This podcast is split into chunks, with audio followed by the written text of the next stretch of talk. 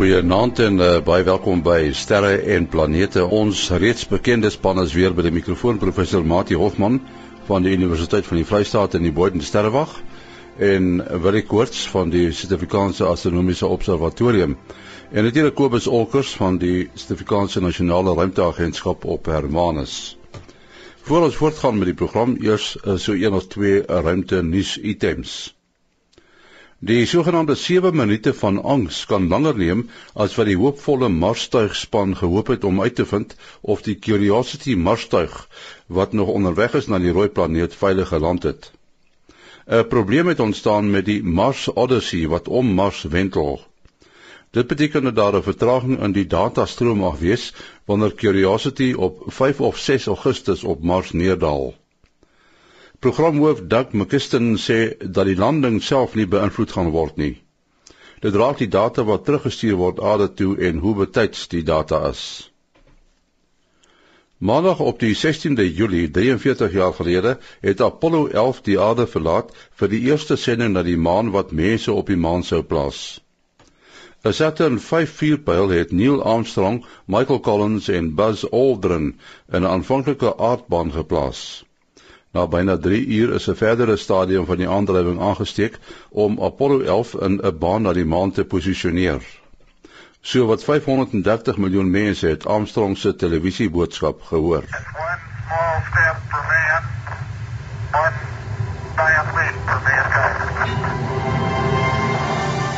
Ons is gewoonlik praat ons met Kobus Olkers van die Suid-Afrikaanse Nasionale Ruimteagentskap op Hermanus en ons uh, wil by hom hoor hoe die son hom gedraai was nou die vorige keer toe ons gepraat het redelik aktief geweest maar ek dink kan nie uh, aanhou aktief bly nie. Uh, wat doen hy nou Kobus? Goeienaand Henny. Ehm um, ja die son is uh, op 'n effens ander manier aktief hierdie week. Ons het 'n uh, 'n korona gaatjie wat omtrent so teen môreoggend uh behoort geo-effektief te raak. Dit beteken die sonwind gaan 'n bietjie opgaan. Dit gaan geen uitwerking op enige van ons gemiddelde gebruikers behalwe langafstand verbindingsgebruikers hê nie. Maar ons het wel Dinsdag aand ehm um, deur 'n klein klas uitbarstingkie gehad van dieselfde area wat verlede jaar verlede week die die, die groot Marankas gemaak het. En uh, maar hy sit nou heeltemal so op die regterkant van die son. Hy's op pad om om te draai.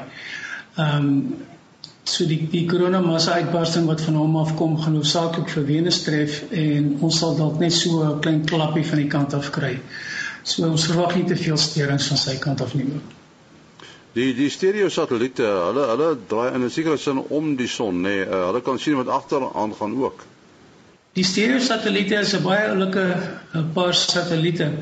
Hulle is uh, op wentelbane is sontwerp dat hulle die ene wat voor die aarde wentel, oh, in die eerste plek wentel hulle in presies dieselfde wentelbaan om die aarde. Uh wel, amper presies. Die een is so effentjies nader aan die son as die aarde en die ander een is so, so effentjies verder van die son as die aarde. En dit uh, veroorsaak dat die dat die twee van hulle so stadig nader aan mekaar beweeg aan die ander kant van die son. Maar uh vir huidige toestande dit is so beplan dat die dat die drie uh observasiestasies. Dis nou die SOHO satelliet wat nou direk in lyn met die aarde sit en die twee steek mooi 120 grade uit mekaar uit op die oomblik. Reg rondom die son en ons son en ons kan presies sien wat agteraan gaan. Kobus se telefoonnommer as mense met jou wil praat? Uh dis 083 264 8038 083 264 8038 Baie dankie Kobus Olkers van die Suid-Afrikaanse Nasionale Ruimteagentskap. Ons is selfs nou met uh, Tinus van der Merwe. Hy is van die amateursterrekundiges van Bloemfontein. Dis 'n koue stad en uh, die afgelope klompie dae is daar 'n uh, hele interessante sterrekunde aktiwiteite, sterrekunde fees wat in Bloemfontein plaasvind. En uh, vertel vir ons uh, die die hoogtepunt waar die publiek eintlik ook na jou kan kom is môre, né, nee, Tinus? Ehm um, dis reg, uh, dis hierdie ons het nou ehm um, hierdie uh, vertoning wat eintlik vir die uh, universiteit gewees het in die afgelope twee aande, maar uh, môre is dit ook vir die uh, publiek. En ehm um, dit gaan hier so van half 10 se kant al wees in die Kaliman sentrum hier by die op die ehm um, universiteit se kampus. So wat kan hulle alles beleef en sien? En die laaste groot klomp goed. Ek uh, uh ek gaan eintlik net so 'n bietjie vir jou vertel van die van die sterrekundige goed, die die goed wat nou eintlik te doen het met ons uh, amateur klub en so. Um, ons werk eintlik baie nou saam met die universiteit al 'n hele rukkie en hulle laat ons toe om om hulle sterrewag by Boyden uh, te gebruik waarvoor ons natuurlik baie uh, dankbaar is en uh, maar um, môre se se se uitstalling uh, wat ons betref gaan ten eerste om mense 'n bietjie te wys hoe maak ons teleskope. Ons het 'n ons het 'n stalletjie daar wat ons uh, teleskoopmakers beman vir hulle wys al die stappe wat ons doen en uh hoe lyk so 'n um, amateur teleskoop? Hoe maak ons om hom aan mekaar te sit en wat is al die komponente wat ons self maak wat moet ons koop en hoe stel ons die ding in en dan het ons nog 'n tafel waar ons 'n bietjie gaan kyk hoe werk 'n teleskoop. Nou daar het ons twee modelle. Een is eintlik 'n baie unieke spieël wat ons het want ehm um, dit is maar die hoofkomponent van die teleskoop wat ons gebruik is spieëls wat ons self maak maar hierdie is nou 'n baie unieke spieël wat vir ons eintlik 'n goeie demonstrasie gee van hoe werk 'n reflektor teleskoop. En dan het ons ook ehm um, 'n lens van 'n um, van 'n refraktor of 'n 'n lens teleskoop wat ons uh, daar het en 'n oogstuk agter die ding om te wys hoe eenvoudig eintlik so 'n lensteleskoop is en dan natuurlik nou um, hoe hoe mense hierdie ding kan kyk en hoe hy groot en so aan. Dan is daar 'n paar ouens aan die buitekant by die gebou wat nou 'n paar teleskope het van ons amateur teleskope wat. Ongelukkig is dit natuurlik nou môre deur die dag kan ons nou nie na die sterre kyk nie, maar van die teleskope gaan sonfilters hê, so ons gaan 'n bietjie die son dophou en so aan en dan maar oor die algemeen met die ouens gesels oor uh oor die uh teleskope. Routinus, uh, dit dit begin nou môre, hoe laat uh en waar presies nou weer? Uh dis by die Kali Iman sentrum uh op die Universiteit uh, van die Vrystaat se se se kampus en uh dit begin hier so 10:30 10:30 so van Tinie se kant af uh, gaan ons in elk geval daar wees en uh, dit gaan aanhou omtrent so tot 1 uur toe. Nou ja, baie dankie Tinus van der Merwe daar van Bloemfontein. Hy is 'n amateur sterrekundige. Nou afgesien nou van die koue wat 'n groot deel van die land nogal getakel het, het ons uh verlede week eintlik hierdie hierdie groot uh sonstorm gehad. Kobus Olkers het 'n bietjie daaroor gesels en uh, ek het nogal gevind uh maatie dat my GPS word beïnvloed hè. Nou verstaan ek hoekom ek dalk so keer of wat verdwaal het daar in Pretoria. Ander dag my pad daar moes vind. Dalk was dit was dit die rede. Ja, die die die uh son affekteer ons behalwe dat ons nou daarom van 'n uh, uh, eerste plek van die son afhanklik is vir ons hitte, maar partykeer nou op 'n uh, op 'n negatiewe manier. Dit is nou interessant terwyl ons so koud kry, van die vorige geslagte het die idee gehad dat die sterre die hitte van die aarde af uh opsuig want hoe kouer dit was hoe beter het hulle die sterre gesien. Uh so dis die assosiasie wat hulle gemaak het. En daar is nou nogal so 'n moderne teorie wat so spotender wys na verwys word as the chilling stars. Mm. En dit gaan nou maar oor via die die die kosmiese strale en die effek daarvan op op wolkformasie op die aarde en dis indirek uh, of eintlik direk via die wolke het dit uh, veral die son wat dan ander uh, kosmiese uh, bronne 'n uh, effek op die op die aarde se klimaat. As ware die son beskerm ons teen kosmiese strale en as die son se magneetveld verswak of versterk dan verander dit die die aanbod van kosmiese strale in die laer atmosfeer en dan wolkvorming en so meer. So dit is nogal interessant hoe die aarde se klimaat eintlik maar op die ou end in 'n redelike mate ook bepaal word deur dinge daar buite heeltemal buite ons beheer. Wel dit is seker onnodig om op te merk dat uh, dit het seker gesneeu op Sutherland, né? Nee. Henny interessant genoeg het, het hierdie ehm um, front of die erg ek meen daai ek ek verstaan daar's iets soos 'n meter en 'n half sneeu by Beaufort Wes gewees in in in en ek het op Facebook net prentjies almal foto's gestuur wat die sneeu ervaar het. Uh um is dit lyk vir my asof die die front bietjie laag deurgegaan het. Um daar was so 'n uh, Saterdag uh, Sondagoggend was daar so 'n spikkeltjie uh van sneeu op op Sutherland gewees. Um en die temperatuur het nou wel geval na -4 toe ehm um, wat vir die sterrewag eintlik koud is want die dorp is natuurlik heel wat kouer. Ek wil nou nie weet hoe koud dit op die dorp was toe dit toe dit daar so gesneeu het nie. En ehm um, maar maar dit lyk asof asof die die die front definitief laer deur gegaan het en en en toe nou nie ehm um, uh, uh, Sutherland in in daai wêreld ge, geaffekteer het nie. So dit was wel koud maar maar maar da, maar nie, nie nie so erg gesneeu as wat dit in die res van die van die omgewing was nie. Ja, die die slegste deel van die van die weer het wel Bloemfontein getref. Ons het nie die voordeel van die mooi wit sneeu gehad nie, maar ons het die koue gehad. En dit gaan maar gewoonlik so as dit kunstefeestyd in Bloemfontein is, dan kom hierdie kwaai koue fronte in. Eh, die maan uh, wat hulle gekry het by Pluto, uh, dit verbaas my dat hulle nog 'n maan gekry het. En Pluto is eintlik 'n relatiewe klein planeet, né? Nee? Ja, ja, Pluto is is is is as ek nou reg onthou amper kleiner is ons maar in die omgewing van ons eie maan se grootte. So Pluto is 'n baie klein planeetjie in vergelyking met met met die res van die sonnestelsel. Ja, uh, uitelik is hy 'n uh, dwergie. Ja, dis reg. Ja, en dit is hoekom hy nou deesdae geklassifiseer is as 'n dwergplaneet. Dis reg. Ja, maar kyk, die kleinste planeet is Mercurius en en en Mercurius is is eintlik heel wat groter as Pluto. En ehm um, ja, so uh, Pluto het nou hulle verlede jaar uh, sogenaamde P4 ontdek of of as ons miskien net gou-gou uh, uh, teruggaan in die geskiedenis, die die uh, vir 'n baie lang tyd was ehm um, Pluto se maan Sharon uh, bekend gewees. Nou Sharon uh, is 'n uh, interessant genoeg as jy in vergelyking met die planeet se grootte is is die Pluto Charon stelsel die grootste effektiewe maan dan in die um, in die sonnestelsel. Uh, uh, uh ons aardmaanstelsel is is die tweede grootste stelsel. Ek praat nou nie van fisiese grootte nie, maar in vergelyking met sy eie planeet. En um, dan so 'n klompie jaar terug het het hulle dan uh, uh vir Hydra en Nix ontdek. Uh, so toe uh, Pluto 3 maandjies gehad uh, vir 'n lang tyd verlede jaar het hulle vir P4 ontdek as ons gaan hom nog later natuurlik 'n mooi naam gee op die oomblik is dit 'n nommer. En dan en dan nou so laasweek was die aankondiging van 'n uh, uh, P5 uh, wat nou ontdek is. Nou um, 'n mens dit is natuurlik gedoen deur die Hubble ruimteteleskoop en uh, uh die net om om 'n idee te gee van van hoe hoe klein hierdie maandjie is die maandjie self um uh, is is skatless omgewing van uh, 10 tot 20 km in deursnee.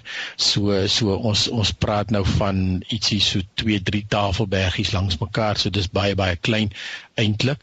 Die enigste manier hoe hulle dit kon sien is is deur die lig van Pluto en Charon uh, wat natuurlik die meeste van die lig van die stelsel is uit te blokkeer. Hulle hulle het 'n klein um 'n uh, verduisteringkie veroorsaak binne in die teleskoop, binne in die Hubble ruimteteleskoop se instrumentgedeelte natuurlik self. En en uh, en en toe nou vir vir, vir P4 en dan nou ook nou vir die nuwe P5 ontdek. En um dit uh, is uh, uh die die die helderheid van die die van magnitudes verstaan is 'n 27ste magnitude. Nou dit is bitter bitter flou. Uh uh um, dis omtrent 'n 100 000ste van die lig van Pluto uh wat hierdie maandjie afgee en en hy is 1 boogsekonde weg. Nou dit is 1 3600ste van 'n graad so want as jy 'n graad in sy in 60 minute verdeel en dan weer in 60 sekondes uh is so 1 3600ste van 'n van 'n van 'n graad is hy weg van van Pluto af. Ja, uh uh um die uh die dit is interessant soos, soos jy sê hoekom sal Pluto dan nou uh, so baie maane hê en uh, die die baan uh, van P5 moet nou nog 'n bietjie vasgestel word en bietjie meer observasies doen en in bietjie meet. Um maar dit lyk asof al uh, Pluto se maane in dieselfde vlak lê. So dit is nou amper soos eie sonnestelsel waar die son die, die hoofmassa is en en al die planete beweeg in dieselfde rigting om om om die son en ook in dieselfde vlak en dit lyk asof dit dieselfde geval is met Pluto en en sy maanstelsel nou van 5 maandjies. So die die die hoofteorie op die stadium was dit moet 'n 'n 'n oerontplo 'n 'n oerbotsing gewees het. Iets wat ehm um, wat wat stukke uitgehaal het uit uit Pluto uit gebots het met Pluto en en uh dis die enigste manier wat dit kan verduidelik hoekom die energie almal in dieselfde rigting lê. Um dit sal natuurlik beteken het dat um van die stukke het het, het heeltemal uh, uh weggedryf wegge, weggeslinger uit uit die stelsel uit.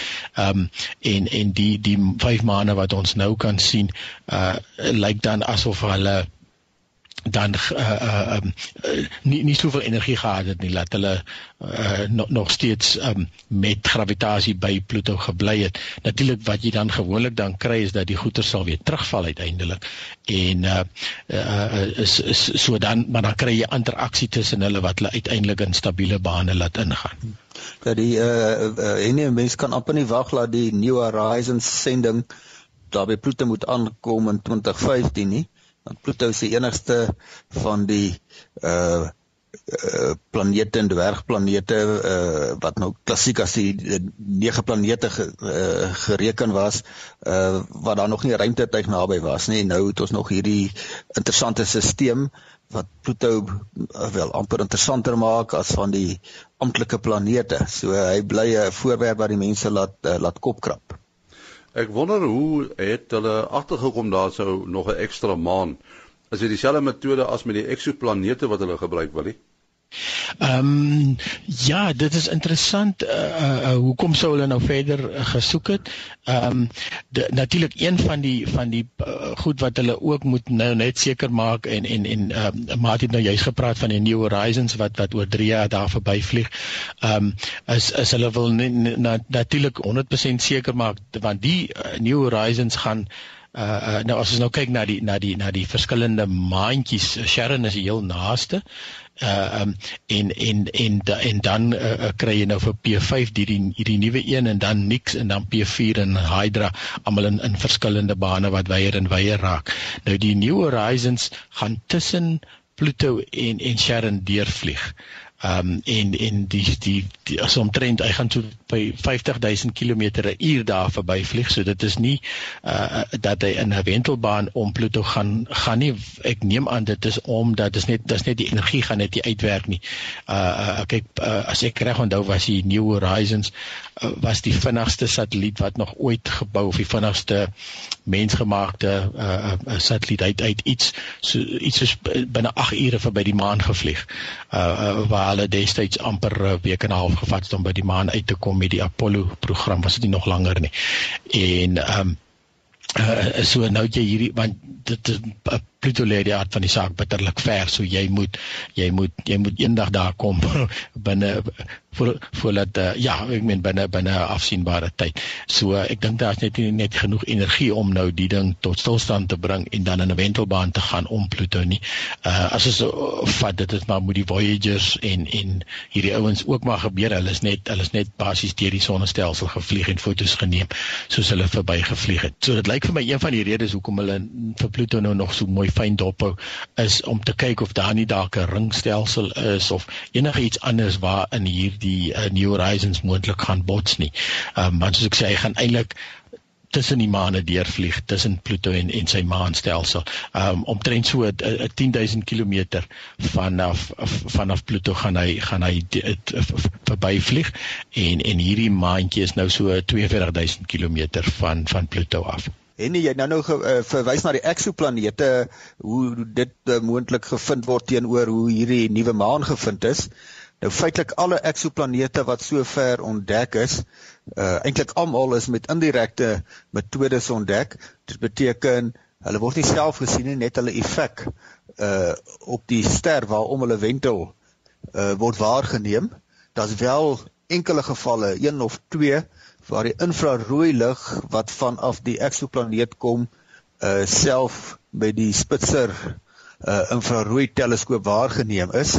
Nou die rede hoekom dit so is is dat wel uh, wil het nou gesê die lig wat vanaf die maan P5 kom is omtrent uh, 100 000 maal dowwer as die lig wat van Pluto afkom. Is dit uh, ja, uh reg wil ek? Dis die getal, ja. Nou by wyse van vergelyking, in die geval van 'n eksoplaneet wat om 'n ster wentel, is die lig in die orde van miljoene na biljoene kere uh dowwer as die ster. So wat dit as mens dood 'n gewone toerusting sou gebruik absoluut onmoontlik maak om hulle te sien. Jy sien net die ster.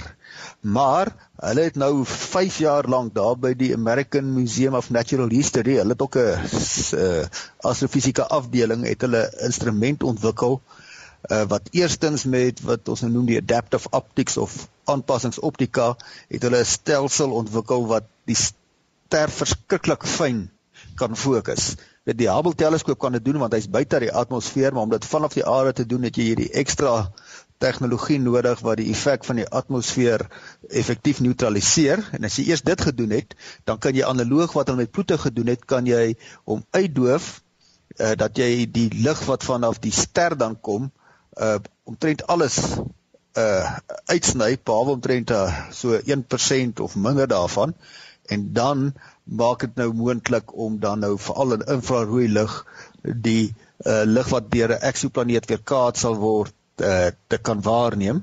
So hulle beweeg in die rigting daarvan om eksoplanete om ander sterre waar te neem analoog van hoe hulle nou hierdie maan om Pluto wa, uh, uh, waargeneem het. En uh ek het nog gisterand uh, uitgegaan en na buite gekyk en heel reg bokant ons lê daar die uh sterformasie die die die skorpioen. Dit is die tipiese winterstelsel. Uh, wil jy net ietsie sê oor daardie groot rooi ster Antares? Hy's mos 'n taamlike reus. Uh ja reg en nie uh as 'n mens nou soos jy sê hierso na die na die ooste kyk uh vroeg aand um uh dan dan dan sit die skorpioen met sy met sy kenmerkende angel wat nou die maklikste manier is om hom om hom te herken. En uh en dan die en dan die rooi ster as ster Antares dit is natuurlik 'n rooi reus ster en um die ster self is is massief. Uh, as jy hom in, in ons sonnestelsel uh, sou inpas ek weet nou nie presies waar nie maar tipiese rooi uh, reusster gaan gaan die aarde se baan uh, in in beslaan ten minste miskien tot by uh, die baan van Mars.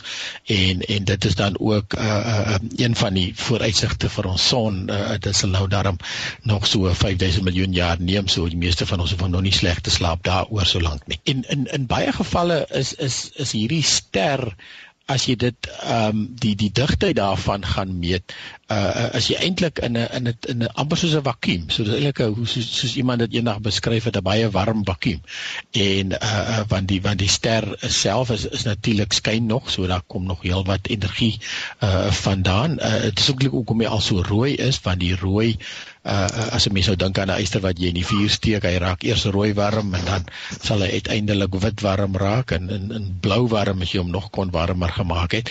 En uh so wat wat die wat die die die skaal wat sterre warm word aan betref is Antares natuurlik redelik koel. Cool. Dan is hy natuurlik baie baie ver uitgedui al op hierdie stadium en natuurlik ook al aan die einde van sy lewe. Ja, die die interessante ding van Antares al is hy nou koel en amper 'n vakuum as jy sy gemiddelde digtheid vat, is hy nog steeds 10000 keer ongeveer helderder as die son. Uh hy lyk natuurlik nie so helder nie omdat hy baie ver is uh, die omgewing van 500 ligjare. Mense rondom partykeer die getalle af om dit nou makliker te onthou, maar uh, omdat hy nou een van die helder rooi sterre is wat mens redelik maklik optel en nog in 'n mooi konstellasie is wat maklik is om te vind, is dit goed om so 'n paar van hierdie getalle te probeer onthou. So ongeveer 10000 maal helderder as die son, ongeveer 500 ligjare weg. Terwyl jy aan die woord is, uh, Mati, die die sterrekundige met die vreemde naam Tycho Brahe. Wie was hy? Uh ja, dit is een van die belangrike oorgangsfigure in die sterrekunde in die geskiedenis van die sterrekunde. Uh wat mense kan nou almal ken nou die naam van Galileo Galilei omdat hy die eerste persoon gewees het in 1609 uh wat uh na die sterrehemel met 'n teleskoop gekyk het. Nou Tycho Brahe is so uh, in tydperk net voor Galileo. Hulle leef, lewens het geoorvleuel en uh, ons weet nou Galileo was 'n voorstander van die Copernicus uh, model of uh, van die van die heelal veral dan die sonnestelsel. Uh, en dit het die dan was dan geosentries met in plaas van heliosentries uh die heliosentries beteken die son is in die middel uh, die uh, liewers geosentries beteken die aarde is in die middel geplaas en alles het insluitende die son en die sterre en planete het om die aarde gewentel en dan het Galileo uh het dan die Copernicus stelsel wat uh, dan die son in die middel geplaas het uh en dan draai die dinge om die uh, voorwerpe om die son en nie om die aarde nie. Tycho Brahe het so tussenin 'n uh, model gehad. Uh hy het eerstens weggekom van die klassieke geloof dat alles onveranderlik is verder as die maan. Al, uh, almal het nog geweet die maan draai om die aarde en die maan se fases verander, maar vanaf Aristoteles se tyd het hulle geglo alles verder verander nie.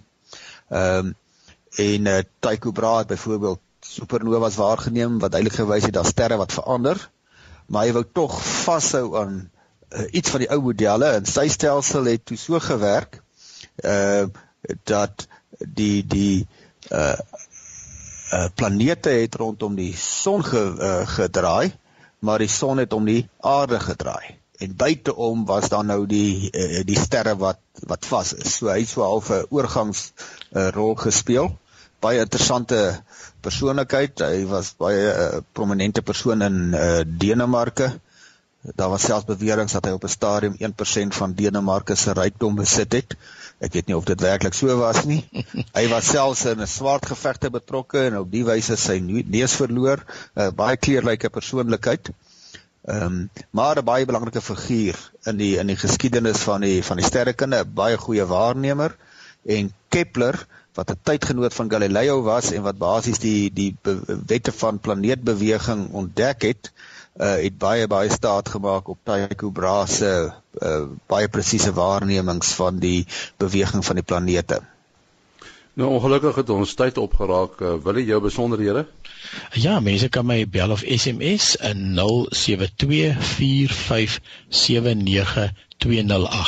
0724579208.